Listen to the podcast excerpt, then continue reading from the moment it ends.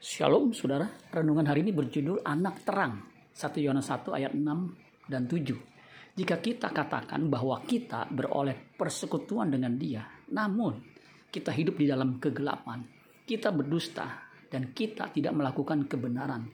Tetapi jika kita hidup di dalam terang Sama seperti dia ada di dalam terang Maka kita beroleh persekutuan seorang dengan yang lain. Dan darah Yesus anaknya itu menyucikan kita daripada segala dosa. Orang Kristen disebut anak terang. Ciri anak terang bukan saja hidup dalam kebenaran, tetapi juga hidup dalam persekutuan dengan sesama orang percaya sebagaimana gereja mula-mula. Kisah para Rasul 2 ayat 41 dan 42. Orang-orang yang menerima perkataannya itu memberi diri dibaptis dan pada hari itu jumlah mereka bertambah kira-kira 3000 jiwa mereka bertekun dalam pengajaran rasul-rasul dan dalam persekutuan.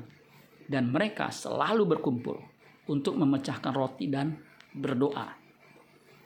Marilah kita tingkatkan persekutuan kita dengan sesama orang percaya menjelang kedatangan Kristus kembali.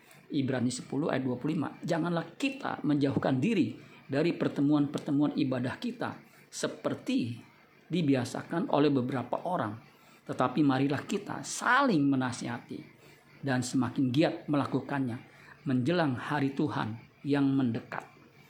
Amin buat firman Tuhan. Tuhan Yesus memberkati. Sola Gracia.